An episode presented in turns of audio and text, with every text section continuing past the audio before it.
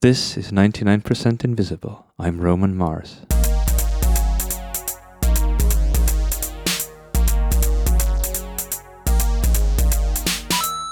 ai kurat, nüüd läks saate algus läks valesti. tere, minu nimi on Ivo Krustok. tere, minu nimi on Jim Ashilevi ja meie oleme. me oleme popkulturistid.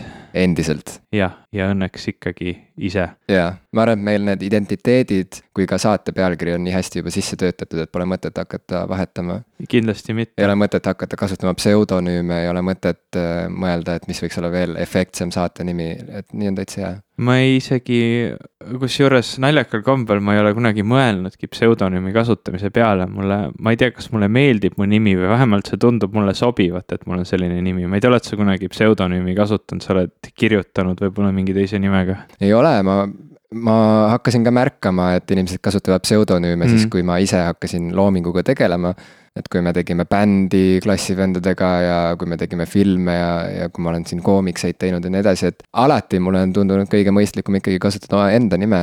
kuigi ma olen näinud jah, et mõned mu iidolid ei kasuta kunagi oma päris nime, on ju. aga kokkuvõttes ma ei tea, mulle tundub lihtsalt äh, kuidagi õige öelda lihtsalt otse välja, et jah, see olin mina, kes selle käkerdise kokku keeras. meil on head lühikesed löövad nimed ka, vaata Jim ja Ivo, kolm tähte, see on sihuke, sihuke lühike lööv, võib-olla see ka aitab. jaa, aga kusjuures meenutades meie podcast'i algusaegu, mis nüüd on juba ju üpris kaugel, eks ole, me oleme siin äh, suve Mitu vastu kuud, pidanud, on ju, ja nüüd on juba sügis. et Külmemaks kui me suve, suve hakul üritasime välja mõelda, et kuidas oma podcast'i üldse nimetada, mis, mida sellele pealkirjaks panna, siis meil oli igasuguseid imelikke variante. ja see vastab tõele, siin inimesed on sahistanud siin ja seal, et kas, kas see on nii, et võib-olla popkulturistide originaalne pealkiri oli hoopis introvertide padjaklubi. ja nüüd on see hetk, kus me ütleme välja, et jah, nii see oligi. oli küll Mm ma ei, ma ei tea, see oli jah, selle nii-öelda töö, tööversiooni, kui mul oli mõte peas, et midagi peaks ju nimeks panema, projektile paned ikka nime või noh yeah., nimest kõik algab et siis me, siis me ta nagu alguses nii panime ja, ja korra ta tundus nagu hea mõte ja siis jälle mitte. ja siis, kuna me nagu seda edasi-tagasi läksime, siis, siis nagu oli suhteliselt kindel, et tegelikult olgem ausad, see nimi ikkagi ei sobi, kui ta ei ole selline, et ta kohe klikib. ja me ilmselt jõudsime järeldusele, et esiteks me ei ole kumbki nii introverdid, et see peaks olema nagu mingisugune nagu see üks ja ainus asi, mida me enda kohta ütleme. just mm, -hmm. ja siis see padjaklubi aspekt, see oli nagu natuke nagu nunnu, aga natuke ka tobe ikkagi või mm -hmm. kuidagi, et see introvertide padjaklubi ühesõnaga töö pealkirjana oli natuke nagu intrigeeriv ja siukseid nagu, ma ei tea, ideid tekitav, aga just edasimineku jaoks, et, et see oli sihuke hea hüppelaud, kust edasi minna mingi parema pealkirja peale. ja kui popkulturistid tuli, siis see oligi, vaata, see oli see klikk, eks ole, et nüüd me teame, kuidas edasi edasi kõik läheb, sest nimi, nimi on väga oluline, ses suhtes äh, mulle nagu nimi meeldib, sest nimi määrab väga palju identiteedist ka ära. ma ei mõtle siin all seda, et kui inimese nimi on nüüd Jaan, siis ta on ühtemoodi ja Ivo on teistmoodi või, või kuidagi, aga, aga noh, ütleme näiteks, kui ma panen projektile nime, siis see minu meelest nagu määrab ikkagi mingil määral ka selle projekti iseloomu ja meil oli vaja, et see nimi oleks kohe peale vaadates ilmselge selles mõttes, et ta nagu kohe annaks kätte selle sisu, et kui inimene kolab mingisuguses podcast'ide keskkonnas, vaatab, mis üldse saadaval on, et siis, kui hüppab talle silme ette popkulturistid, saab ta kohe kolme sekundiga aimu, et mm. mis sorti podcast see üldse olla võiks, on ju. ja sellepärast meile see nagu hästi sobiski, aga kui me räägime praegu oma podcast'i identiteedist, siis siit äh, ikkagi võiks ju minna edasi meie isiklike identiteetide teema mm -hmm. peale või siis äh, üldisemalt noh, mis meid praegu seob, mis on see ühisnimetaja, mis meid peamiselt seob. jah, üks asi on see podcast, aga teine asi on see, et äh, meil sinuga on ju üks ja sama sugu. tõsi ta nii on jah meessugu meessugu et istume siin meessoo esindajatena praegu ja see on teema, millest me oleme tahtnud ammu sinuga rääkida tegelikult. see oli vist üks selle nii-öelda, mm, kui see teema oli sihuke work in progress või kui me mõtlesime selle podcast'i peale, siis vähemalt see oli üks selline minu poolt välja pakutud äh, mõte, kuna, kuna ma püüdsin nagu noh, enne kui me seda podcast'i tegema hakkasime, me ei olnud nii lähedalt sõbrad, et, et et äh, ma oleksin suutnud kohe peast äh, haarata kümneid või kahekümneid või kolmekümneid mõtteid, mida, mida paberile panna ja mis oleksid minu meelest kohe toiminud. Siis üks mõte, mis mul oli, oli äh,, tulenes natuke sinu selle Kehade metsa raamatust ja üldse sellisest äh, mõningatest diskussioonidest, mis mul tol hetkel sõpradega olid. Ja, ja just see, et nagu see meestevaheline lähedus ja, ja, ja kuidas see nagu üldse kuidas see väljendub, äh, miks seda on vahel nii raske väljendada ja miks see teema üldse võib vahel natuke ebamugavust tekitada, sest äh, isegi noh, ütleme, olles sellele teemale võib-olla natuke tundlikum või vähemalt mõeldes sellest teemast ka mina teen äh, vahel kohatuid nalju, kui see teema kuidagi üles kerkib ja siis ma ei ole pärast enam kindel, oota, miks ma selle kohatu nalja nüüd tegin. et kas see on kuidagi sisse programmeeritud või mitte, et noh, ma toon näite, sest muidu see kõlab lihtsalt kuidagi väga, väga abstraktselt. Äh, ma tegin äh, üks õhtu bändiproovi ja me rääkisime seal, et kuidas ma ühe loo ideele tulin või kuidas ma mingid sõnad kirjutasin ja ma kirjeldasin kahte tüdrukut ähm, ühes kohvikus mul on praegu see kuidagi väga udusalt meeles, äh, mida ma täpselt rääkisin või kuidas see stseen kohvikus oli. aga nad olid seal kuidagi väga niimoodi ähm, noh, sõpradena ajasid juttu, jõid veini, rääkisid raamatutest ja nad äh, olid kuidagi ka füüsilises kontaktis, nad äh,, nad tegid üksteisele pai, silitasid, noh niimoodi sõbralikult. ja me nagu diskuteerisime seda sõpradega ja kui siis mu sõbranna tõi mingisuguse näite, et noh, mõnes riigis on meestel nii või naa, siis ma tegin mingisuguse kohatu nalja, vihjates sellele, et aa, need mehed on siis ilmselt neid vaadatakse nagu nad oleksid äh, homoseksuaalid näiteks. ja, ja siis ma ei saanud täpselt aru, miks ma selle nalja tegin, mul nagu oli kohe, kohe nagu enam-vähem kohe pärast selle väljaütlemist oli mul häbi sest ma arvasin, et, et ma teen praegu nalja ja tegelikult siis ma ei olnud enam kindel, et, et esiteks see ei olnud naljakas ja teiseks ma ei olnud kindel üldse, miks ma seda ütlesin ja siis mul tekkiski selline kuidagi noh, et miks see, miks see meestevahelise äh, platoonilise läheduse äh, teema on nii keeruline. ma ei tea, kas ma selgitasin praegu üldse midagi ära või mitte. ei, see on väga hea lähtepunkt, jällegi minu arust see on hea sihuke taust või taustinfo või taustalugu. mulle tundub, et see meestevaheline lähedus on äh, üha aktsepteeritum selles mõttes, et selle sihuke füüsilised äh, väljendus, väljendused. ja meestevaheline aga... kallistamine näiteks, ja, näiteks on rohkem levinud. jaa, aga eh, see on siiani, seda, seda nagu õigustatakse või pehmendatakse enda jaoks iroonia abil selles mõttes, et kui sa vaatad mingisuguseid äh, Hollywoodi noortefilme, siis äh, alati, kui kaks tüüpi omavahel hästi läbi saavad ja teevad mingeid toredaid asju koos, siis ikkagi tuleb sellele irooniliselt viidata kui bromance'ile mm, -hmm. on ju, et see on nagu noh, et see on nagu uh, veits gei, aga noh, see on nagu bromance, vaata mm, -hmm. et sa tood selle nagu bro aspekti nagu sealt kuradi jõusaali riietusruumist kaasa uh,. natuke maskuliinsemaks. jaa, just, et kogu mm -hmm. see bro kultuur uh,, see on ju see, mis varem domineeris mis oli varem selline nagu status quo või sihuke nagu põhi mm, -hmm. põhiolek meestevahelises sõpruses. et sa oled sihuke nagu veidi rohmakas, veidi sihuke jõmmilik kutt, on ju, ja siis äh, no sul ei ole mingit probleemi minna mingi teise kutiga nagu koos duši alla pärast trenni, vaata, et mitte, et nagu nüüd vahiks, on ju, teineteist seal, et seda ei ole, aga noh, nagu et pärast nagu õlale ikka patsutad, kui on mingi hea mäng olnud või mm. platsil või noh, mingi sihuke, et pärast saunas ikka mingi õlle võtad ja nii, on ju, et ja noh. aga ühesõnaga, et, et on nagu mingisugused imelikud, äh, väga hägusad piirid. Äh, et kust maalt see asi läheb nagu liiga geiks ja kust maalt see asi on veel sihuke äge, sihuke bro mahub sinna bro lahtrisse ja siis nüüd nagu tänapäeval, kus äh, ma ei tea siis, kas nagu ühesõnaga siin neid põhjuseid on mitmeid, miks nagu, sest et soorollid arenevad pidevalt edasi ja muutuvad ja, ja kultuurid arenevad ja siuksed ühiskondlikud kokkulepped muutuvad ja arenevad ja harjumused, et.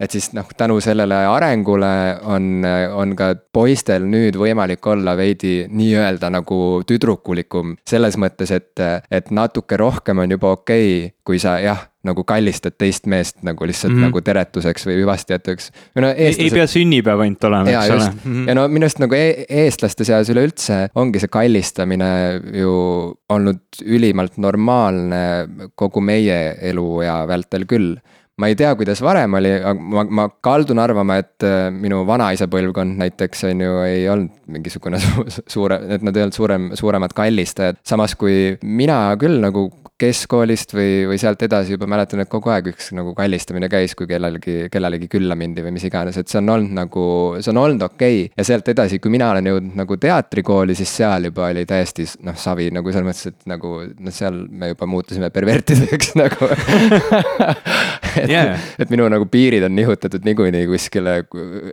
kuskile, kus need nagu vist harilikult inimestel ei ole. aga no see on nagu rohkem ikkagi jäänud ka sinna keskkonda selles mõttes, et mm, -hmm. et ega ma nagu kõiki nii palju ei käperda kui oma teatrikolleege mm. -hmm. aga jah, et kogu see bromance nagu kultuur, et mulle tundub, et see ongi sihuke nagu abivahend või mingi sihuke pehmendav filter, mis aitab meil me,, meil meestel siis nagu tasapisi äh, lubada endale õrnust, noh äh, nagu äh, üksteise, teineteise vahelises äh, suhtluses. keskkool on huvitav äh, koht, kust äh kuhu see diskussioon võib-olla viia või, või sealt nagu läbi natuke mõelda, sellepärast et äh, esiteks juba see, et, et mul ei ole olnud alati väga, väga suures hulgas meessoost sõpru, mul on alati kuidagi naissoost sõpru rohkem olnud, me saime kas paremini läbi või ma tundsin ennast nendega mugavamalt suheldes ja ma mõtlen siinkohal nagu ikkagi vägagi platooniliselt. Äh, mul ei olnud keskkoolis küll ühtegi, ma alles keskkooli lõpus äh, hakkasin käima esimest korda tüdrukuga niimoodi,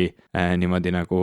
nii nagu see käib. nii, nii nagu käiakse tüdrukuga ja, ja siis pärast seda ma siis jäingi selle tüdrukuga kokku ja see on nüüd mu naine Eeva ja see, see ongi nagu kogu see story, et, et mul nagu keskkooli ajal küll oli hästi palju äh, tüdrukuid, kellega ma suhtlesin, aga nad olid äh,, see kõik oli nagu puhtalt sihuke sõpruse pärast ja see oligi ilmselt äh, suuresti seetõttu, et ma ei tundnud ennast mugavalt väga sellises maskuliinses keskkonnas, nagu põhikooli poisid olid, see oli sihuke, sihuke dominantsuse võitlus kohati või, või noh, nagu sa olid kas seal nii-öelda ülevalpool või siis sa olid seal allpool ja ma alati tundsin, et ma olen selles hierarhias nagu kuidagi allpool ja ma ei soovinud noh, nagu selles, nendes mängudes kaasa lüüa ja, ja otsisin siis seda sõprust ja, ja lähedust võib-olla siis oma, oma tüdrukust klassikaaslaste seas. ja, ja seetõttu ka mingi hetk nagu põhikoolis, ega ma sihuke kõige nagu ägedam ja lahedam tüüp ei olnud, et mind tuli nagu kuidagi õpetada kallistama või et ma ei olnud, see, see ei tulnud nagu mul väga loomulikult välja, sest see oligi kuidagi keskkoolis, tuli natuke teistsugune klass, tekkisid uued sõbrad ja see sõprusringkond, nende vahel oli nagu kallistamine levinum. ja siis ma mäletan, et, et kui ma esimest korda kallistasin niimoodi sõbra poolest äh, Evat, siis ta ütles mulle, et kuule, come on, et mis kallistus see oli. Et see oli suhteliselt nagu lame, et sa saaksid nagu võib-olla natukene paremini kallistada, et noh, see oleks mingi feeling ka sees, et see ei oleks nagu keegi oleks salatitangide vahele surunud, eks ole et, et ma mäletan väga, väga selgelt seda, et see ei tulnud mul üldse kuidagi loomulikult, see oli minu jaoks kuidagi väga selline forsseeritud esialgu ja, ja, ja ma tundsin ennast ebamugavalt, aga, aga kuidagi sealt edasi liikudes see muutus normaalsemaks. aga see ei muutunud kohe normaalsemaks, ütleme teiste meestega, sest mu sõprusringkond oli suuresti ikkagi veel naissoost ja selleks kulus veel, kusjuures päris mitu aastat, mingi ülikooli ajal ma hakkasin alles, hakkasid need, äh, siis juba mul oli natuke rohkem meessoost sõpru, kes olid väga head ja lähedased sõbrad. ja kellega siis see hakkas muutuma vähem ebamugavaks ja, ja mingil hetkel siis nagu täiesti normaalseks või et see on kuidagi. ma olen seda vähemalt enda elus, oma eluajal niimoodi seda, seda üleminekut sihukeses pika, pikemas perspektiivis tundnud, et see ei ole kuidagi niimoodi käinud, et äh, et ma ei tea, et see järsku nüüd on kuidagi ühiskondlikult aktsepteeritud ja, ja nüüd on nagu kõik hästi lahe. Ja samas, samas ma tunnen, et seda ka võib-olla ei olnud üldse nii, nii palju, kui ma olin keskkoolis või, või põhikoolis eriti. mulle näib ka, et see on äh, järjest harilikum, et äh, mehed võivad väljendada oma tundeid, oma sõbralikke tundeid äh, ka füüsiliselt ja niimoodi avatult, ilma et nad mõtleksid endale juurde sinna mingisuguseid äh, konnotatsioone, mida seal ei ole, noh, mingisuguseid seksuaalseid ja mingeid, ma ei tea, mis nagu varjatud mingeid allhoovusi. ma olen sinuga nõus, et mm, meestevaheline sõprus või üldse nagu meestevahelised suhted on äärmiselt komplitseeritud. Need, neid serveeritakse või on ajalooliselt serveeritud kuidagi väga lihtsakoeliste ja nagu selliste nagu otse sirgjoonelistena. et noh, naised on need, kellest keegi aru ei saa ja et nagu tujud muutuvad ja sa ei saa nagu pihta, et nagu, et mis kurat ikka selle naise peas toimub. minu kogemus on näidanud mulle ainult vastupidist mm. -hmm. mul läheb juhe kokku siis, kui ma mõtlen meestevaheliste suhete peale, mitte siis, kui ma mõtlen äh, naistevaheliste suhete peale ja minu elus ka läbivalt on olnud äh, sõprus naistega märksa lihtsam kui sõprus meestega. ja võib-olla see tuleb sellest, et, et mind kasvatasid üles naised, selles mõttes, et ma kasvasin väga väikses korteris üles koos oma õega ja lisaks mu õel oli seal mu ema ja vanaema. nii et äh, kolm sellist väga tugevat naisisiksust äh, seisid mu kõrval nagu kogu mu kujunemisaja jooksul. ja äh, oma isa ma praktiliselt ei tunne, ta on elus ja teeb mingeid omi asju, aga ma nagu tõesti ei tea tegelikult, et kes ta isegi no, on, noh et, et mm et ma tean ta nime ja, ja kus ta elab ja nii edasi, aga, aga ma ei tunne teda ja, ja mu vanaisa, kes siis võinuks olla nagu sihuke nagu isa rolli täitja või, või mingisugune sihuke näidiseksemplar mehest kodus, siis tema on alati olnud ääretult introvertne ja sihuke omaettehoidev nii et tegelikult ma ei tea ka seda, mis tema selline nagu kujunemislugu on olnud või mm, -hmm. või miks ta on selline, nagu ta on või, või, või mida ta üldse nagu tunneb. ehk siis sihuke klassikaline kinnine mees mm. -hmm. ja mulle tundubki, et kuna ajalooliselt või kultuuriajalooliselt on naised olnud pikemat aega niimoodi avali emotsionaalselt, on ju, et nad nagu ei, ei ole olnud sunnitud kuidagi nagu varjama nii palju teineteise eest, kui, kui võib-olla mehed äh, üksteise eest varjavad et siis mulle tundubki, et see avatud suhtlus, suhtlus naistega on harjutanud mind äh, kuidagi usaldama naisi rohkem või ma kuidagi nagu arvan, et ma saan naistest palju lihtsamini aru kui meestest. puhtalt sellepärast, et mehed ei väljenda üldse nagu nii palju seda, mida, mida tegelikult võiks väljendada või mis, mis nagu aitaks teisest inimesest aru saada. ja see on tekitanud minus mingit terve elu kestnud pinget tegelikult nagu meestega suheldes et mul on alati sihuke tunne või okei okay,, noh, mitte alati, aga kui, kui on olnud mingisuguseid nagu siukseid intensiivsemaid läbikäimisi või mingeid olulisemaid siukseid nagu suhtlusprotsesse, et siis, siis nagu ma olen kuidagi rohkem pinges meestega suheldes, sest et ma olen rohkem nagu segaduses ja, ja vähem kindel selles, et mis siin nagu tegelikult nüüd toimub. et kes see inimene tegelikult on, kes mu vastas praegu on, mis omakorda muidugi on tekitanud siukse nagu veidi ebaterve huvi teiste meeste vastu selles mõttes, et ma nagu üritan neid pidevalt nagu lahti mõtestada enda peas või kuidagi nagu avada nende neid päid nagu sihukeste pähklitangidega nagu, et vaadata, et mis seal nagu päriselt toimub või mitte ainult päid, vaid eks tegelikult ka nagu vaadata, et mis seal südames siis nagu toimub. sest nagu mulle nagu teeb nalja see mask, mida mehed sotsiaalselt hästi tihti nagu kannavad ees ja samas see ka nagu hirmutab mind või nagu tundub mulle nagu eemale tõukav.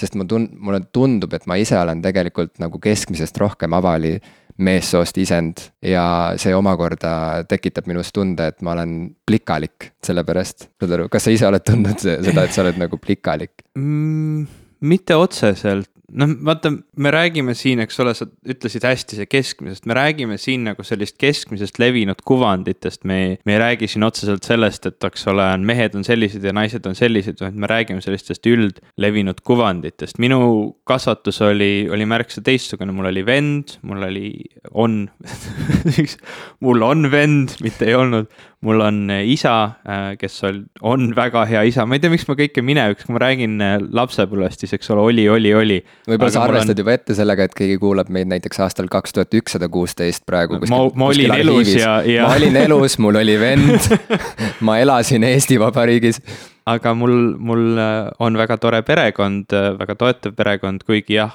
äh, see introvertsuse teema, meil on terve, terve perekond suhteliselt introvertne, võib-olla ema nii väga ei ole, aga, aga see meessoost perekonna pool on, on küllaltki introvertne ja, ja noh, kuigi võib-olla see ongi see, et ma nagu vähemalt ei mäleta, et ma kasvades oleks tundnud kogu aeg mingit nõudlust olla väga mehelik, et keegi oleks mult seda eeldanud ja samas nagu ma rääkisin koolis, ma pigem nagu suhtlesin oma klassiõdedega kui klassivendadega, aga ma ei ole otseselt tundnud seda, et ma ise oleksin väga naiselik või, või ma ei tea, plikalik, nagu sa ütlesid. aga, aga ma kindlasti suudan teatud teemadel palju lihtsamini rääkida naistega kui meestega. on mingid teemad, tihtilugu võib-olla, kui ma räägin suhetest, kui ma räägin seksist, mingid siuksed teemad, mis ei ole väga, teemad, millest väga palju tegelikult nagu ei räägita, see esiteks eeldab äh, enamasti vägagi head juba sõprust, see eeldab sellist vastastikust arusaamist, natuke ka sellist juba ühtset naljasoont, et millest tohib nagu kinni võtta mida öelda, mida mitte, ma olen sellel nagu ise mitu korda eksinud ja tegelikult võib-olla inimestele ebamugavust valmistanud minevikus ja nagu ma püüan nendel teemadel, noh, see on sihuke kompamine üleskasvamise poolt, et kuidas nendest teemadest üldse rääkida omavahel. aga ma tunnen, et nendest on alati olnud mul lihtsam rääkida teiste naistega jällegi jäädes puhtalt sellisele platoonilisele tasemele kui teiste meestega. et see pole minu jaoks kunagi probleem olnud, et, et ma nagu ei usuks, et mehed ja naised ei võiks lihtsalt sõbrad olla, et see on minu arust üks absurdsem asi, mida ma kunagi kuulnud olen, sest mul on väga palju naissoost sõpru, kellega ma olengi lihtsalt sõber ja, ja seal ei olegi nagu kunagi midagi, midagi muud olnud. Ja, ja see, seetõttu jah, just see nagu mingid teemad on meestega nagu palju raskemad. Ja ma ei tea täpselt, miks. võib-olla see on see, mida sa ütlesid ennist, et, et ma ei tea, ajalooliselt või kuidagi on naised mingitel, mingites teemades kuidagi emotsionaalsemalt avatud või tähendab, emotsiooniliselt avatumad. mul kuidagi sõnavara sakib võib-olla on asi selles, et sa räägid teise meessoost isendiga. aga võib-olla tõesti, jah. Äh, kas ma kasutan liiga palju siukseid asju nagu isend ja siuksed mingid asjad, ütlesin ma nii, ma ei tea. võib-olla, võib-olla kui su vastas istuks praegu mingi naine, siis sa saaksid palju soravamalt ja vabamalt suhelda. kas meil oleks podcast'i juurde vaja kolmandat Äh, kes oleks naissoost. võimalik, et see on tänase osa lõpptulemus jah, et me mm. lõpuks kuulutame välja casting'u, et äh, otsime siia otsime naist stuudiosse. ma endiselt ei saa rohkem kui kahte mikrofoni korraga lindistada. no küll me leiame selle mingi lahenduse jagame mikrofone näiteks või ma ei tea, on ju, aga jah, ma ei, mulle tundub, et vaata, kui sa vaatad näiteks jällegi ajalooliselt või kultuuriajalooliselt eh, selle peale, et mismoodi on, mismoodi turundatakse naistele ja meestele erinevalt eh, näiteks kirjandust. ma mõtlesin, et me peame kuidagi popkultuurini jõudma, eks ole no vot ja siit si,, siin see, siin see shortcut tekkiski, ühesõnaga, kui, kui me vaatame näiteks et mis, mis sorti raamatud on nii-öelda naistekad ja mis sorti raamatud mm -hmm. on nii-öelda meestekad, siis tegelikult mulle tundub, et selliseid raamatuid nagu meestekad tegelikult nagu väga ei olegi olemas. Eeldatakse, et noh, mehed loevad, loevad kõike, noh, loevad, mis nad tahavad, samas kui nagu naistele on endiselt, noh, kui sa vaatad raamatuturgu, siis endiselt suunatakse teadlikult mingit tüüpi kirjandust spetsiifiliselt naistele, öeldes, et ja. see on nüüd naistekas, on ju, mida see tähendab, et naistekas, järelikult on seal juttu tunnetest, järelikult on seal mingisugused suhteteemad, ühesõnaga armastusest käib jutt. samas kui meestele turundada eraldi mingit nagu armastuslugu, noh, siis sa peadki tegema seda kas äh, nagu otseselt läbi seksi kuidagi mm. -hmm või siis läbi iroonia või mingisuguse nagu huumorinõksu, on ju. ja näed, jällegi, see on mingisugune asi, mis toimub ja toimib endiselt ja nüüd ongi meie asi küsida, et miks, miks see nii on. Loomulikult äh, on ju armastus, suhted, seks, lähedus, see kõik on nagu meestele sama tähtis kui naistele, on ju. ilmselgelt. ei ole kunagi olnud aega, kus, kus see nii ei oleks, aga miks see nii on, et meestele ei turundata eraldi armastusromaane mm? -hmm. milles asi on? Äh, aga noh, see, eks see nagu on äh, see on iga-aastaselt tekkiv küsimus, kusjuures vähemalt korra aastas tekib see küsimus minus vägagi, vägagi pingsalt ja see on täpselt siis, kui hakkavad jõulumüügid raamatupoodides ja jaotatakse, eks ole, meesteraamatud ja naistele, või noh no,, mitte, mitte niipidi, aga kingiks naisele, kingiks mehele ja, ja need valikud tihtilugu nagu tekitavad sellist äh, tekitavad mulle natuke meelehärmi erinevatel põhjustel. just nii ongi, sa lähed vaatad seda meestevirna raamatupoes ja seal sa näed ilmselt äh, mingid Top Gear'i raamatud. ajalooraamatud. mingid ajalooraamatud, sõda, tankid mm., siis sa näed seal mingisugust nagu, ma ei tea, spordiraamatut on ju, see kõik on nii kuradi ilmselge ja labane tegelikult, on ju. ja sa lähed sinna naistevirna juurde, siis sa näed seal mingit nänni, mingit ilusat mm -hmm. nänni, siis seal kokaraamatud. kokaraamatud mm, -hmm. sa näed seal ilmselt äh,. eneseabi. eneseabi Fifty Shades of Grey mm, -hmm. sest et äh, see raamat ka, eks ole, et on et teda suunata, seda noh, loomulikult seda loevad nii mehed kui naised üle kogu maailma, eks ole mm. -hmm. aga kuna selle raamatu iva on natuke see, et seal nagu üks naine nagu lubab endale vaata mingisuguseid seiklusi mm -hmm. seksuaalses plaanis.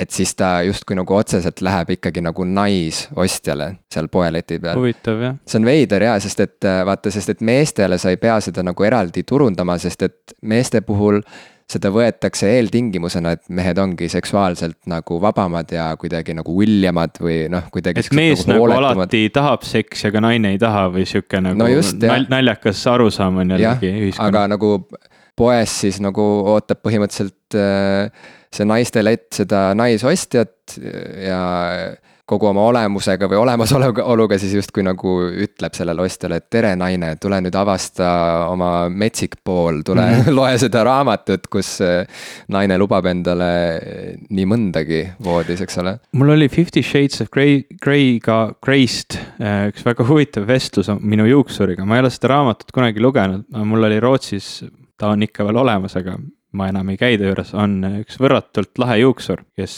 mul paar aastat juukseid lõikas ja, ja tema oli selline juuksur, keda kõigepealt üks mu üks mu meessoost sõber soovitas, kes käskis mul juuksurisse kindlasti minna ja oma pikad juuksed maha ajada, sest ma pidavat nägema mitte lahe välja.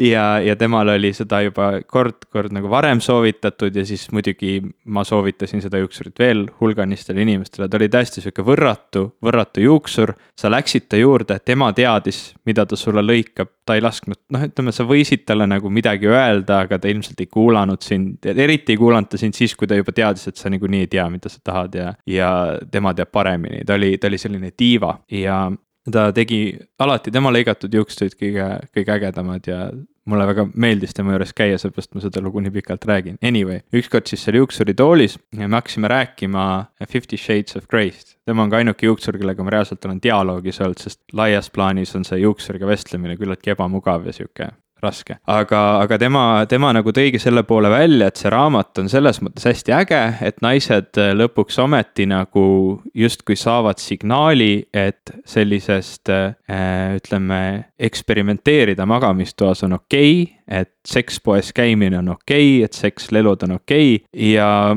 ja tema nagu leidis, et see on nagu sihuke vabanemine ja see on hea. ma ei tea nüüd noh jällegi, ma ei ole seda raamatut lugenud, ma ei ole kunagi arvanud, et ükski nendest asjadest, mis ma just ütlesin, oleks halb olnud ja ma ei tea tegelikkuses, kui paljud naised arvavad, et need asjad on halvad või, või, või head või, või ma ei tea, ühiskonnas kuidagi tabu all. üldises mõttes vähemalt oma sõprusringkonnas ma olen pigem tundnud, et kuigi need on asjad, millest avalikult ei räägita, siis noh lõpptulemusena oleme kõik inimesed, oleme mehed või naised, ütleme meil see, mis meil peas on, on tihtilugu ikkagi sama. nii et, nii et ma ei tea, kas see nüüd tegelikkuses on mingisugune vabanemine äh, nagu päriselt või on see selline lihtsalt see, et, et keegi nüüd kirjutas raamatu ja juhtumisi selle raamatu kontekstis me võime sellest nüüd avalikult rääkida või? Ma arvan küll, et see raamat andis loa rääkida mingitel teemadel vabamalt kui enne. ja võib-olla see ongi selle raamatu kõige suurem teene tegelikult, mina ka ei ole seda lugenud, aga ma olen lugenud ja kuulnud palju selle raamatu kohta mm. -hmm. ja nii palju, kui ma olen äh, aru saanud, siis ta tõesti nagu erilist kirjanduslikku väärtust ei oma et selle ja. raamatu tähtsus seisneb ikkagi selles, mida see raamat äh, muidu üleüldse nagu kultuuris või sihukeses nagu kultuurilises dialoogis on avanud, et mis uksi ta on avanud või mis, mis teemasid. Mm ja see on ju kokkuvõttes hea, muidugi.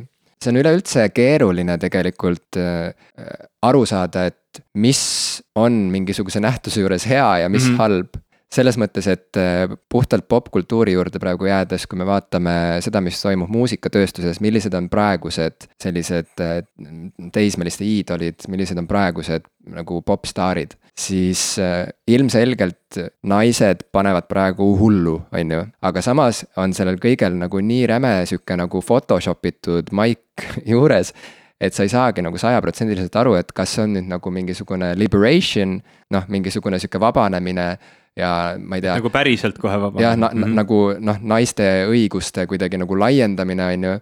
või see on hoopis selline nagu meesšovinism uues kuues. ma toon näite, et paremini mm -hmm. ilmestada seda, mida ma räägin. näiteks, kas sa mäletad, võib-olla kolm-neli aastat tagasi eh, Miley Cyrus sai jube kuulsaks, sellepärast et ta tegi siukse veits, ma ei tea, siis nagu veidi siukse nagu liiga seksuaalse etteaste seal MTV muusikaauhindade yeah. üritusel. ühesõnaga. see oli Robin Thicke'iga või? ma ei mäleta, see oli mitte ja. Robin Thicke või mingi Thicke? ei, vist oli küll Robin, Robin okay. -hmm. ta nimi võib-olla ei olnud, ühesõnaga see ei ole tähtis, kelle, kellega ta seal oli. aga tähtis on see, et äh, ta oli, siis, siis ta oli veel noorem kui praegu, eks ole mm, -hmm. et ta oli nagu üks nooremaid siukseid popstaare.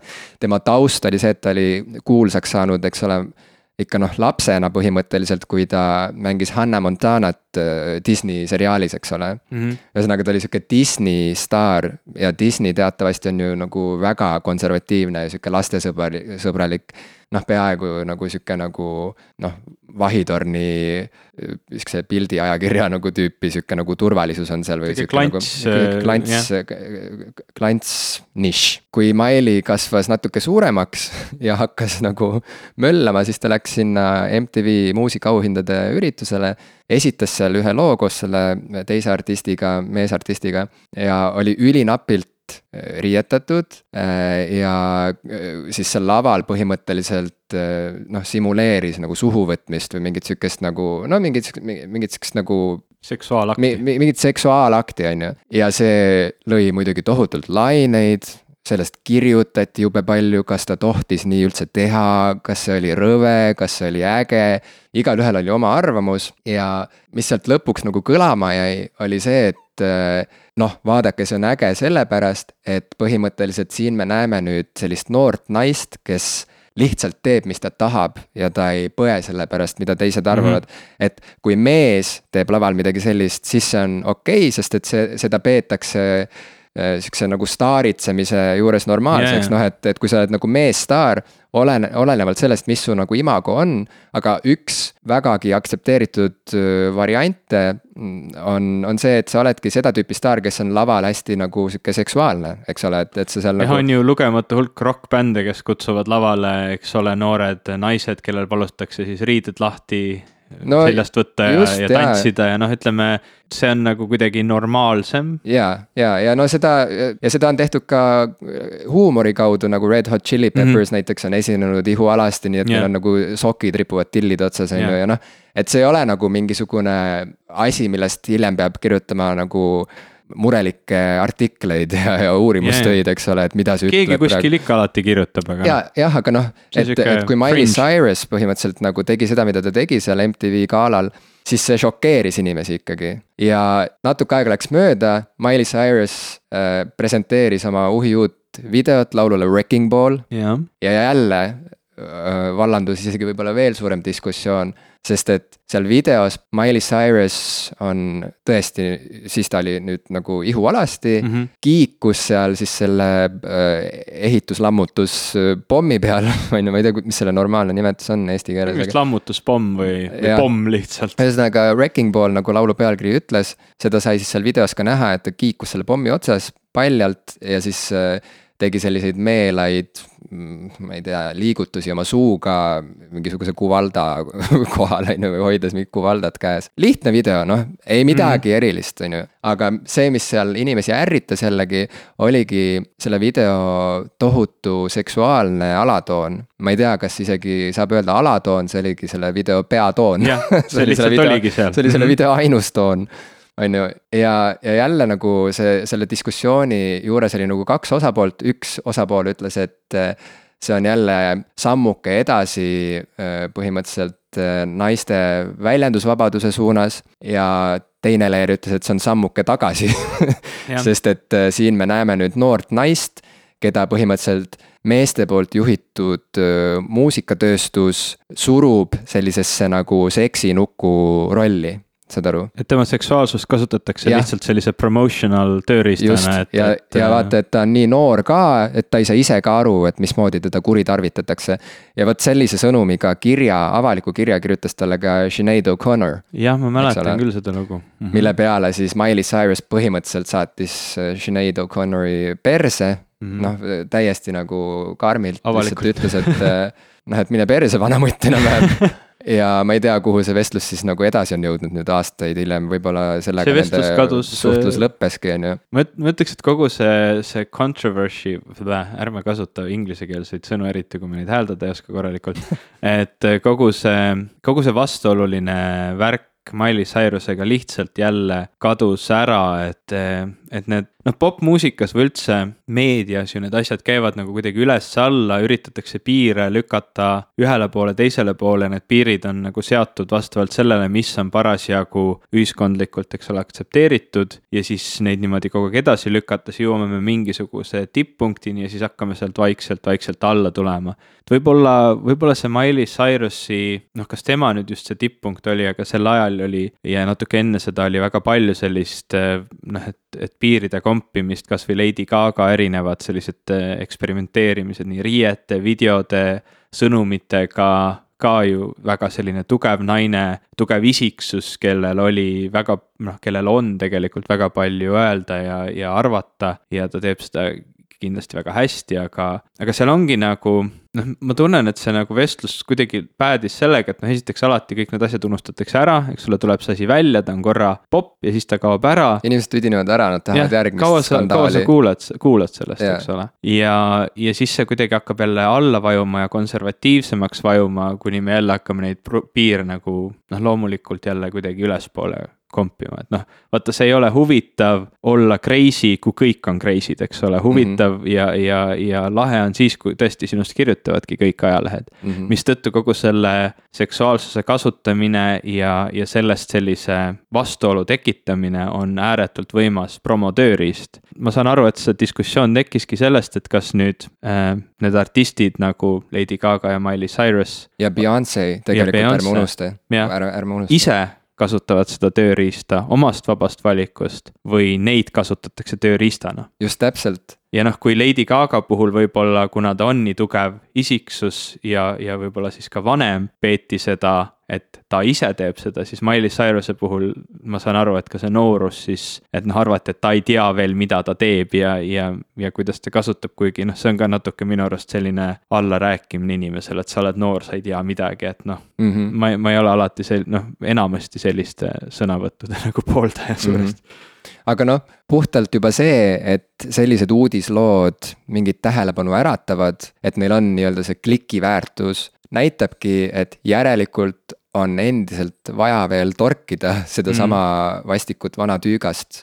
et äh, järelikult ei ole kõik veel äh, nii okei okay,, äh, kui jutt läheb naiste väljendusvabaduse peale või naiste seksuaalsuse peale. samas kui meeste seksuaalsuses nagu popkultuuris on justkui kõik lubatud, kõik on juba ammu okei okay,, nagu kõik on no. juba ammu, noh et teelaval, mida iganes, sellest nagu ei kirjutata niimoodi, aga naiste puhul nad on nagu nii terava tähelepanu all, et kohe, kui kuskil mingi diss välgatab, siis sellest on ikkagi mingisugune esikaane lugu pärast äh, tabloidajalehes ja miks siis? seal on nagu selline teistsugune probleem jälle, et, et kui naiste puhul on, eks ole, see seksuaalsus sihuke asi, siis meeste puhul on emotsionaalsus jälle see probleem, et, et kui on meessoost artist, kes ennast väga avab noh, mida tegelikult ju meil on laulja, meil on kunstnik, kes iganes, tema ta ju avabki ennast läbi oma meediumi, eks ole. ja siis, kui ta avab ennast väga siukselt emotsionaalselt, siis seda peetakse kuidagi nagu mittemehelikuks ja sellele vaadatakse kuidagi negatiivselt. Või, või kui lugeda, eks ole, kommentaare James Blunti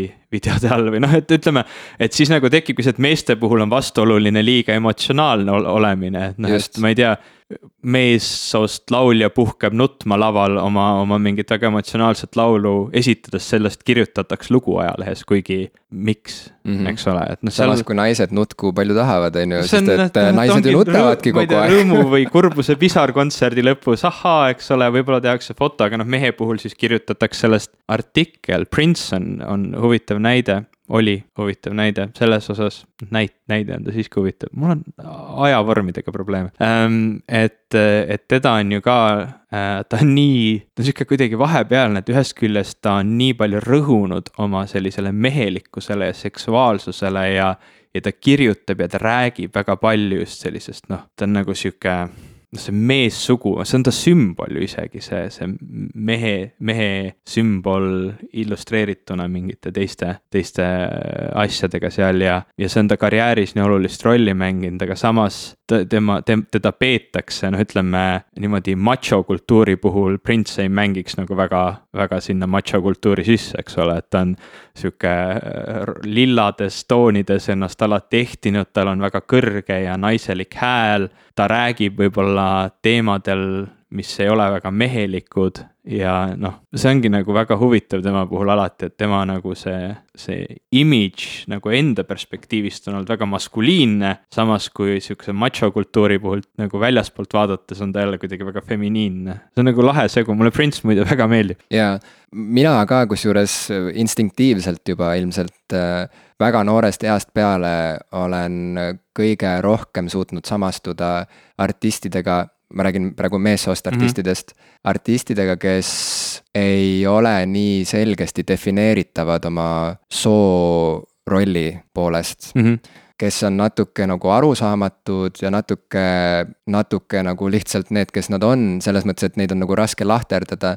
noh, ma olen juba ammusest ajast peale väga armastanud Placebo muusikat mhm. näiteks mm, just eeskätt äh, Brian Molko tõttu, kes on selle bändi frontman. Eh, ja mulle väga meeldis Sneaker Pimps näiteks jällegi selle eh, solist, kes nüüd juba ammu teeb soolobändi või sooloprojekti IMX. jällegi on tüüp, kelle puhul nagu sa ei saa päris täpselt aru, et kas ta on nagu naine või mees või noh, et, et need, et, et need piirid on piisavalt nagu hägustunud et see tundub mulle nagu huvitav ja samas täiesti arusaadav mm. -hmm. sest et ilmselt äh, enne veel, kui ma hakkasin ennast niimoodi analüüsima, ma sain juba siis aru, et ma ise ka ei suuda ennast tegelikult defineerida nii jäigalt mehena kui sellisena. et ma olen alati rääkinud, et ma ei tea, minu arust nagu inimestel ei ole vahet, et noh, on erinevad kehad inimestel aga põhimõtteliselt kõik on inimesed, on ju, et ma ei näe nagu siin nagu mingeid fundamentaalseid erinevusi. ja ma tean, et seda nagu on kerge nagu ümber lükata ja samas on seda kerge ka toetada, et mm. noh, et kõik no see, ongi inimesed. vaidlused, eks ole, toimuvadki ja, tegelikult suuresti. ja just täpselt, aga siiski tänase päevani ma saan kõige paremini ikkagi aru nendest inimestest, kes ei mahu ära mingitesse kastidesse. et ma, ma olen alati suutnud samastuda nii-öelda nagu siis outsiderite või nagu veidrikega, sest et äh, ma ise ka ei ole kunagi suutnud ennast mahutada mingisugusesse sellisesse soolahtrisse või sookasti ära. tagasi tulles veel korraks nais, naisartistide juurde, mul jäi enne mainimata Madonna mm. -hmm, no jah, see on, tundub mõttes, ka kuritegelik mitte mainida, eks kes ju mõnes mõttes või, või võib-olla nagu selles ühes ja ainsas mõttes lõigi pauguga selle seksuaalse naise ukse lahti kaheksakümnendatel, eks ole, popmuusikas mm -hmm. ja, ja mulle tundub, et see valdav suhtumine või see, või see põhiline mm, arvamus Madonna kohta on ikkagi see, et äh, see, mis tema tegi kaheksakümnendatel ära, see oli hullult tänuväärne ja äge. et mm -hmm. tagasi vaadates inimesed eriti ei kritiseeri seda, et, et tema oleks olnud nagu mingisugune ohver, kes siis oli selle juhtiva mehe pilgu all selline nagu väänlev, sihuke esinev, eputav mm -hmm. mingisugune mängukann siis või mingisugune nagu seksinukk. et äh, ta oli iseseisev, enesekindel, ta tegi, mis ta tahtis ja ta näitas sellega ka teistele naistele, et ka teie võite olla vabad. olge need, kes te olete, tehke, mis te tahate, teil on, teil on ihad, teil on tungid mm., teil on mingi oma fantaasia, ärge häbenege seda, ärge laske kellelgi ennast panna mingisugusesse kasti kinni. ja noh, tänapäeval Madonna on ei keegi no põhimõtteliselt. mul on üks sõber, kes on ääretult suur Madonna fänn, nagu, nagu tõesti suur ja. Madonna fänn ja isegi tema on nagu nõus tunnistama, et võib-olla ta võib-olla ta karjääri parimad päevad on selja taga. Need on selja taga selles mõttes vähemalt, et ta ei tee enam nii huvitavat muusikat mm. ja ka tema selline nagu kultuuriline mõju, see mõjuavaldus on antud juba, ühesõnaga, et ja, ta ei. ta tegi juba ei seda. ei olegi midagi ta, vaja nagu ja. rohkem selles mõttes nagu teha, kuigi ma ei usu, et ta üldse kunagi on hakanud tegema muusikat mingisuguse programmilise missiooni nimel, ma arvan, et ta oli samasugune noor andekas muusik, kes lihtsalt ühel hetkel sai aru, et tema roll siin maailmas on teha muusikat, esineda, olla artist, on ju. Ta on see..., ta on olnud üllatavalt edukas kameelion, sest ta on suutnud olla läbi mitmete kümnendite tegelikult relevantne ja huvitav, aga, aga noh, võib-olla jah, üks hetk, teine hea võrdlus siia koha, kõrvale tuua kohe on David Bowie, kes on ka väga selline mm, oma seksuaalsusega isegi võib-olla mängiv äh, artist oli. ja, ja tema just tänu sellele, et ta suutis mängida tegelaskujusid, võt-, kehastuda ümber, kehastuda ümber nii imagolt, oma, oma olekult, sellest, mida ta kõike välja peegeldub, kui ka oma muusikalt või muusikast, et, et selles suhtes tema on suutnud ka ju olla relevantne põhimõtteliselt kuni surmani suutis seda, seda teha ja, ja olla lausa nii relevantne, et, et, et tema nii-öelda see viimane album, mis enne tema surma välja tuli, vist võib öelda, et oli kõige, tema kõige edukam. või, ma ei tea, kas ta päris kõige edukam oli, aga kindlasti on ta paljudel fännidel sihuke tõesti, tõesti tugev tempel nüüd mälus ja, ja, ja muusika ajaloos, sest, sest tihtilugu need kõige viimasemad plaadid ei ole, et ikkagi minnakse tagasi selle noorusaja juurde, aga Bowie suutis kuidagi oma karjääri niimoodi huvitavalt, huvitavalt teha ja võib-olla tema selline võime ennast avada mitmet moodi äh, ol-, kehastuda ümber, mängida oma sooga mingil määral, et see, see nagu tegi ta elu lõpuni huvitavaks. jah, ja tegelikult mingil määral ka Madonna oli väga osav selline identiteedi vahetaja või kuju muutja. praegu on arusaamatu, mis identiteet või kuju ja. nagu on, aga vahet ei ole, ühesõnaga see on tal õnnestunud vähemalt varasemalt. Bowie on jah, tõesti väga hea näide sellest, kuidas üks mees seda teha saab. ja tegelikult Bowie'st mõeldes mul ongi selline tunne, et ta ei lähenenud ka asjale niivõrd nagu programmiliselt.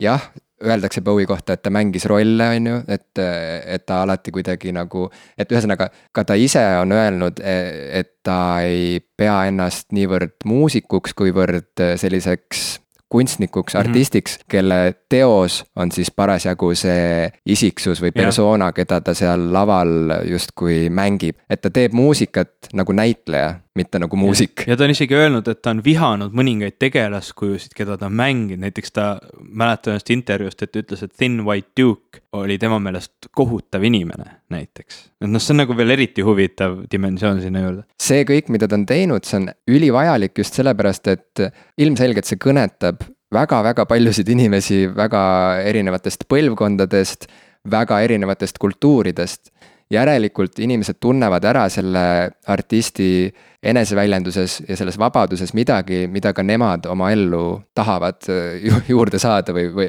või millisena nemad tahavad ennast näha või, või, või millega nad ennast tahavad seostada, eks ole. ja selles mõttes Bowie on ju nagu super eeskuju tegelikult inimesele, kes ei taha mingisugusesse lahtrisse mm mahtuda, mitte ei taha, võib-olla tahab, aga ei noh, ei mahu lihtsalt, on ju. jah, et äh, selles suhtes ma olen sinuga täitsa nõus ja kui me tuleme sinna vestluse algusse kuidagi nagu natuke ringiga tagasi ja, ja mõtleme sellele, et, et kuidas me nagu ise mõtleme sellest, et kuidas mehed või kuidas meie ennast avame ja väljendame. et, et Bowie nagu võib-olla tõesti on selline hea eeskuju, ta ei ole, ta ei olnud selline ekstravert, ta ei olnud selline oma, ma ei tea, mehelikkuse või naiselikkusega kuidagi selline inimestele seda kaela määriv, vaid ta lihtsalt oli ja, ja me käisime, me käisime vahepeal teatris siin podcast'ide vahel.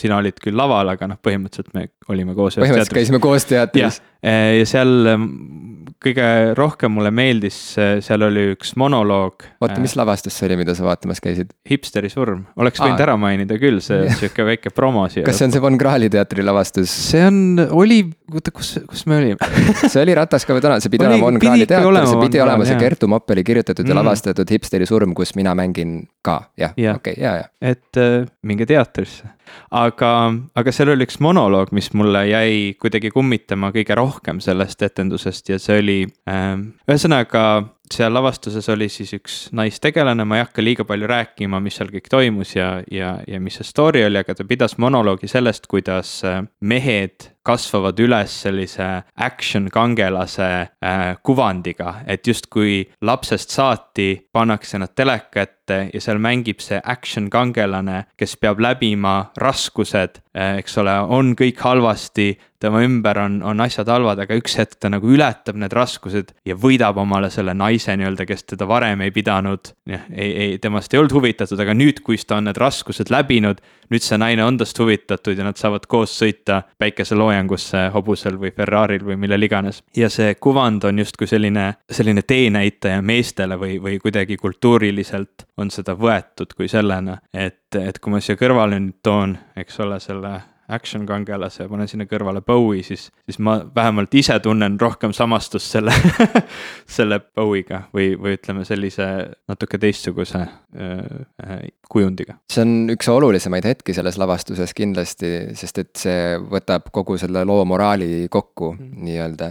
kas ma rik-, kas ma rikkusin lavastusinimese, inimesteks ära, võib-olla ma ei. mitte, sest et selle lavastuse põhi mõnu seisneb, ma arvan, selles mängus ikkagi, et, et kui, kui jaburad inimesed seal nagu koos on ja kui imelikult nad äh, käituvad ja mõtlevad. aga äh, tegelikult see monoloog on ju feministlik monoloog, eks ole, ta on sihuke feministlik tekst, mille Kertu Moppel, selle lavastuse autor ja, ja lavastaja, tema, tema ju kirjutas selle, eks ole, ja siit edasi saakski tegelikult torkida üleüldse feminismi teemat niimoodi ääri-veeri, ma tean, et me sinuga oleme mõlemad äh, küllaltki, küllaltki väikese lugemusega, kui asi puudutab feminismi mm. -hmm. mingeid feministlikke tüvitekste me ei ole sinuga läbi töötanud, me oleme seda kõike pigem saanud niimoodi second-hand äh, juttude kaudu siit ja sealt mingeid artikleid lugedes, mingisuguseid diskussioone kõrvalt jälgides.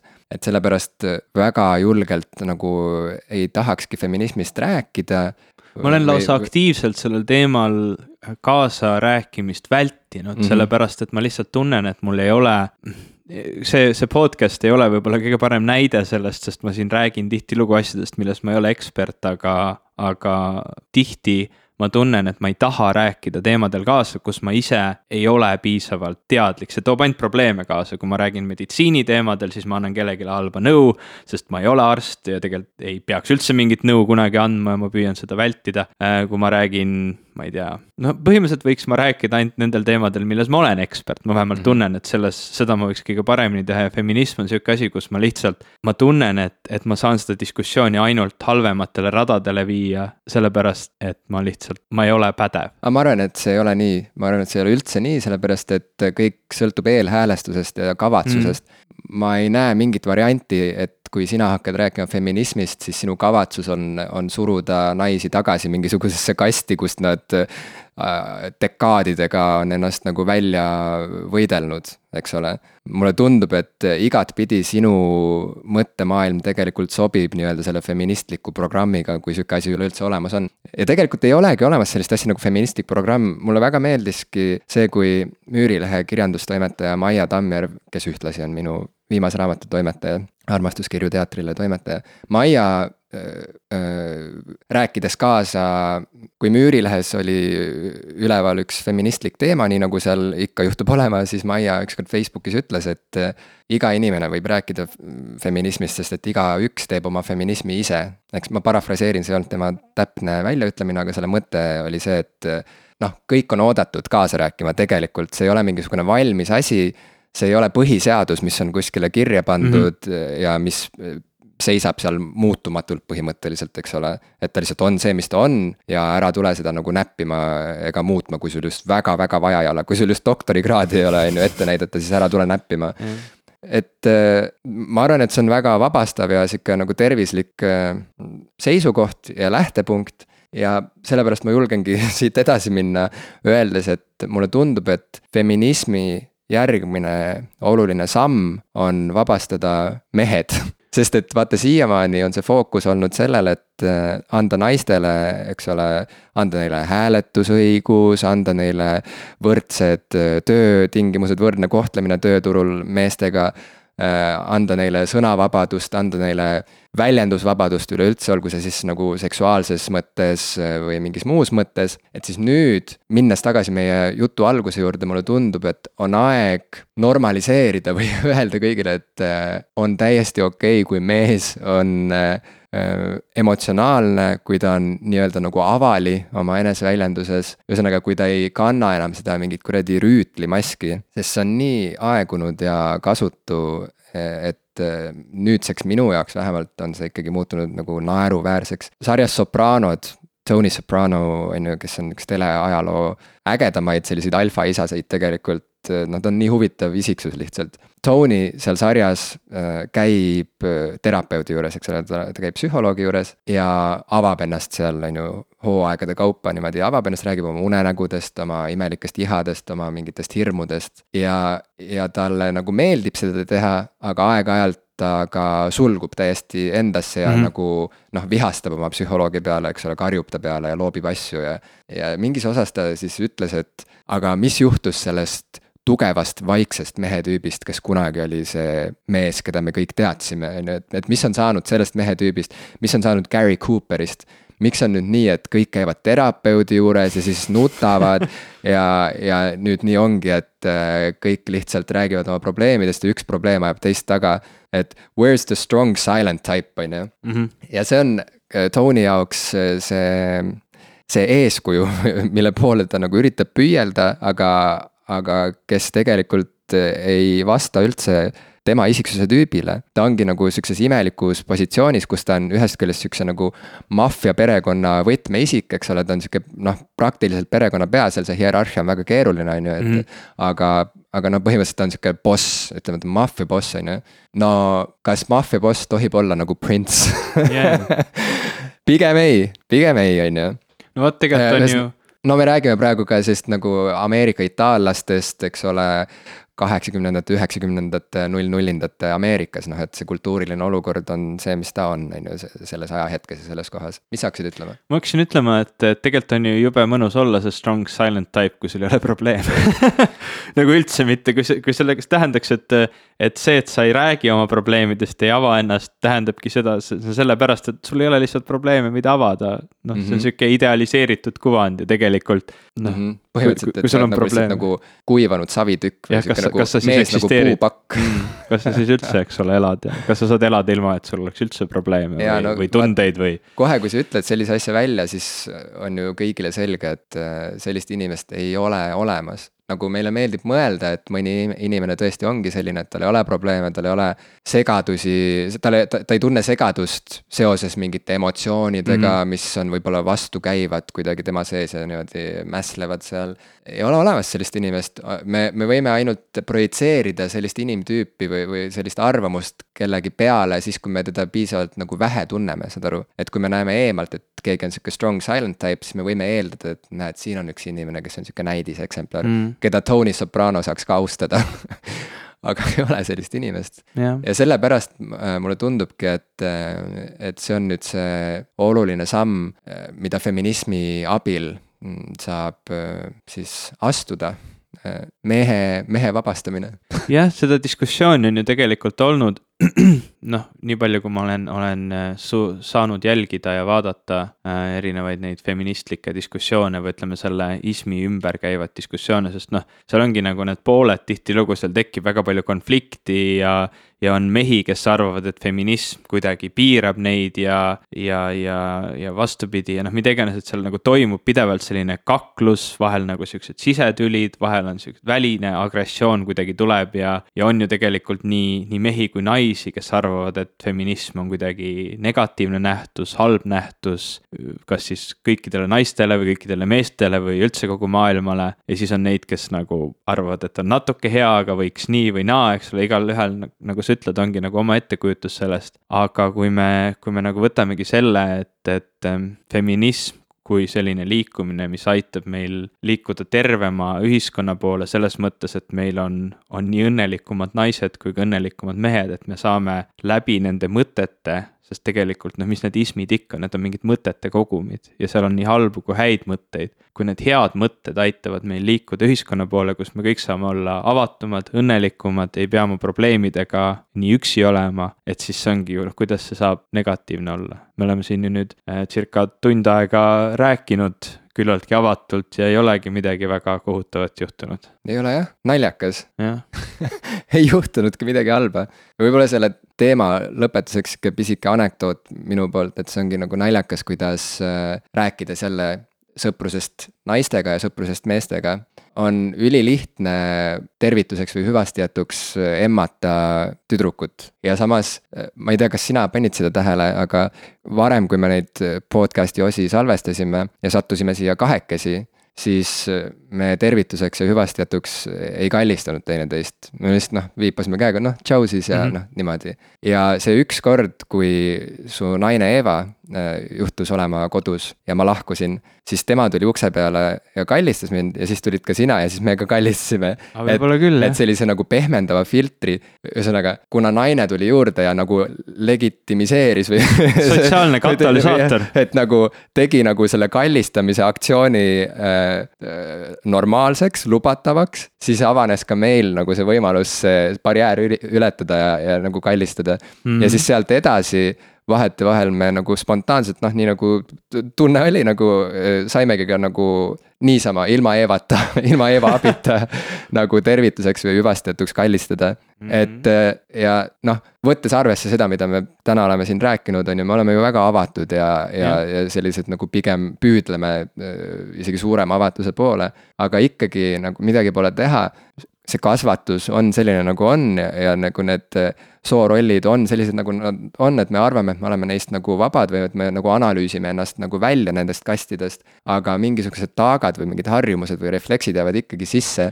no ma kindlasti ei arva, et ma oleks neist vaba kuidagi yeah., ma loodan, et ma, ma liigun vabanemise poole, kas see on kunagi sajaprotsendiliselt võimalik, me kõik oleme oma kultuuriruumis kinni. me ei saa olla, või noh, mõni võib-olla ütleb, et me saame olla oma kultuuriruumist lahti, aga ma ei, ma ei usu, et see on täielikult võimalik, me ikkagi oleme oma kultuuriruumis Mm -hmm. ja ma, ma olen seda tundnud seetõttu, et ma olen liikunud erinevate kultuuriruumide vahel. ma elasin Rootsis neli aastat ja mul oli ikka väga veider alguses Eestisse tagasi tulla. samamoodi nagu mul oli väga veider alguses Rootsisse minna. mõned asjad, mida inimesed tegid, tundusid lihtsalt väga imelikud ja, ja näiteks Eestisse tagasi tulles ka kohatud et, et noh, siin ongi. aga too nagu... mõni näide, need on alati head mis on nagu markantsem, mis kuidagi esimesena pähe kargab? ma ei tea. mida sul siin oli ebamugav teha mm, suhtluses, mille peale sa Rootsis ei pidanud nagu eraldi mõtlema? ma mäletan, hea, raske head näidet leida, aga ma, ma tundsin seda kindlasti äh, juttudes, mida inimesed rääkisid, noh, kasvõi selles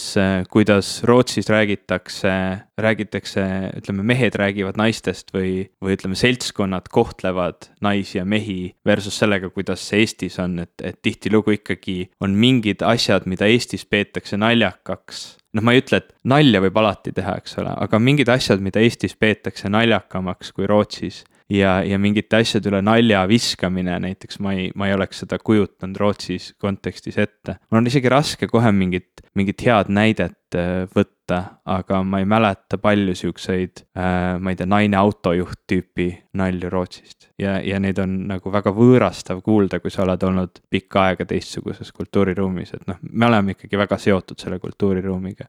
ja ma ei ütle, et siinkohal keegi, kes Eestis selliseid nalju teeb, võib võib seda kuidagi pahatahtlikult teha ja, ja ma ei arva ka, et sellise nalja eest kellegi nagu avalik häbistamine on kuidagi õigustatud. ma ei tea, kui, kui tihti üldse on kellegi avalik häbistamine õigustatud, aga, aga ma arvan, et koos, ütleme, muutes seda kultuuriruumi niimoodi teadlikult ja, ja liikudes õiges suunas, et siis, siis mingi hetk lihtsalt see ei olegi enam naljakas, sest noh, tegelikult see ei olegi ju naljakas. aga, aga jah, ma ei tea, kuidas me ikka lõpetame. Ma arvan, et see, see podcast'i tegemine, mitte ainult see osa, vaid see podcast'i tegemine on tegelikult äh, meid lähedasemaks toonud, nii et kui te tahate kellegagi lähedasemaks saada, siis tasub podcast'i teha. just täpselt, podcast'i tegemine on feministlik akt.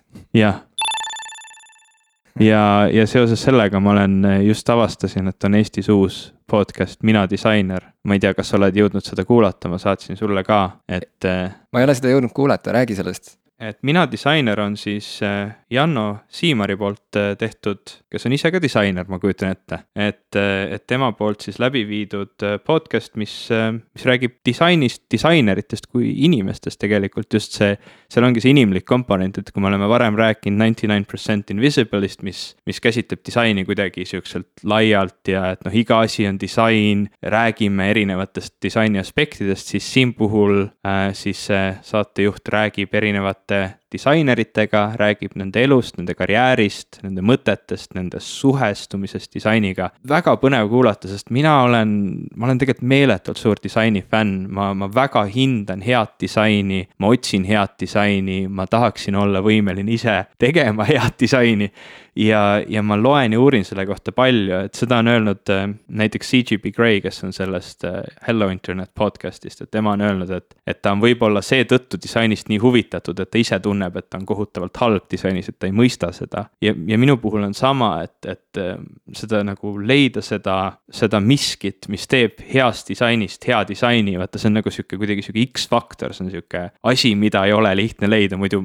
ma ei tea, kõik oleksid jube head disainerid. aga jah, kuulata, kuulata nende inimeste enda lugusid sellest, ähm, kuidas nad on jõudnud erinevate mõteteni, erinevate eluetappideni väga,, väga-väga põnev, et, et sellest on küll praegu ainult üks osa olnud, nii et ma ei tea, äkki järgmised ei ole nii põnevad, aga samas teemapüstitus on põnev, nii et ma, ma kindlasti ootan. mina soovitaksin sulle omalt poolt sellist podcast'i nagu Dear Sugar Radio mm. ja hmm. kusjuures naljakas on see, et jällegi, kui me alustasime oma podcast'i tegemist, siis me rääkisime kohe, milliseid podcast'e me kuulame, millised podcast'id on meile võib-olla eeskujuks olnud, aga miks, ma ei tea, miks ma jätsin mainimata Dear Sugar Radio. võib-olla sellepärast, et see ei tundunud piisavalt nagu äge sel hetkel, võib-olla, kusjuures, võib-olla ma jätsin selle mainimata sellepärast, et see tundus mulle kuidagi vähemehelik nagu mainida sellist mm. podcast'i. väga huvitav. Nagu, ma arvan, et seal võis olla mingi element sellest hirmust sest et Dear Sugar Radio on raadiosaade või podcast, mitte raadiosaade, mida teevad äh, kaks kirjanikku, Cheryl Strayed ja Steve Almond. Nad on omavahel sõbrad, nad on mõlemad ägedad kirjanikud, aga see saade ei keskendu sugugi mitte kirjandusele, vaid suhetele, puhtalt. Suhetele, imelikele peresuhetele, imelikele armusuhetele meie seletamatutele ihadele, meie hirmudele. see on pühendatud, ühesõnaga, see on natuke nagu sihuke usaldusliin, umbes, et kirjuta meile puista südant ja me anname sulle nõu. see on sihuke hingeabisaade või sihuke südame lappimise saade natukene. Neil isegi äh, podcast'i see tunnusgraafika või see logo mm -hmm. on süda, mis on tehtud plaastritest nii et äh, äh, ühesõnaga on noh, süda, mis on tehtud plaastritest ja see, ma arvan, et nüüd on hea hetk nagu lõpuks ometi mainida seda podcast'i, sest ma tegelikult arvan, et see on väga-väga mõnus podcast. ma arvan, et kõik võiksid seda kuulata, kuulata ja, ja seda enam, et äh, ka seal neil see suhtumine on vägagi, ütleme siis feministlik ja vägagi kaugel sellisest nagu alfamehelikust käsitlusest, noh, Cheryl Strayed on väga tugev, väga tugev ja enesekindel selline nagu naisnatuur ja Steve Almond seal kõrval on selline nagu väga pehme ja oma pehmuses väga tugev mm, -hmm. selline nagu meesnatuur, kes sarnaselt meiega äh, on väga kahtlustav ja, ja kuidagi kahtlev sellistes nagu vanakooli jäikades mehekuvandites ja kes vägagi rõhub sellisele nagu suuremale avatusele, ütleme siis tundelisusele, suuremale nagu julgusele väljendada oma tegelikke mõtteid ja tundeid, olenemata sellest, kas sa oled naine või mees ja noh, rääkida rasketest asjadest. et mulle tundub, et see on see, mida on omistatud naistele varasemalt palju rohkem, et naised nagu räägivad kõigest omavahel, nad julgevad ennast avada, on ju, nad räägivad, nad. ja noh, kuidagi kui tahetakse, kui tahetakse seda maha teha, siis öeldakse, noh, naised pläkutavad, eks ole, on ju, koos mm. -hmm. et mingi mokalaat ma ei tea, mis need vanakooli siuksed nagu mahategevad terminid on, aga. aga Steve Almond siis nagu, ma näen teda ka nagu sellise nagu meessoost sellise nagu arvamusliidrina, ütleme, kui ta seal seda podcast'i teeb, kes põhimõtteliselt nagu esindab sellist nagu avatud mehe tüüpi, mis minu arvates ongi tulevik ja mis minu arvates ongi see uus feminism, nii et kaks ägedat podcast'i, mida nüüd ja. pärast tänast saadet saab kuulata. kui meie oma ei meeldinud, siis kuulake neid. jah, äkki nemad teavad siis nagu paremini rääkida nendest ja. asjadest, on nagu hästi targad ja, ja. Nagu räägivad õigesti kõigest. sest, kui te nüüd praegu kuulasite meid lõpuni ja leidsite, et, et me ei tea nagu mitte midagi, siis tegelikult on veel podcast'e, nii et. aga ma loodan, et, et meie ka ikkagi olime teile huvitavad. ja, ja no kui ei olnud, siis vihakõne saab, eks ole, jätkata. vähemalt tekitame võib-olla diskussiooni jah et ähm, aga seni tead, mis, mul on hea tunne sellepärast, et me rääkisime tegelikult asjadest, mis on nagu ülipõnevad ja millest me oleme juba ammu tahtnud sinuga rääkida mm.. mm, aga olles nüüd sinuga tund aega vestelnud nendel teemadel, mul on selline tunne, et see oli alles nagu täielik algus kogu sellel diskussioonil, sest meil nagu jäi, jäid ainult harali kõik need mõtterõngad praegu siin. no vot, ega me ei saa podcast'i tegelikult. kinni ka panna ju, me peame ikka edasi tegema. jah, aga see on ainult hea, Jah. et me saame sellest kõigest veel rääkida selline see osa jäi sihuke lühem. jaa, aga aitäh, et aitasid seda ust lahti teha. nagu Madonna kaheksakümnendatel, me tegime praegu teineteisele ühe ukse lahti. või võib-olla isegi mõnele veel.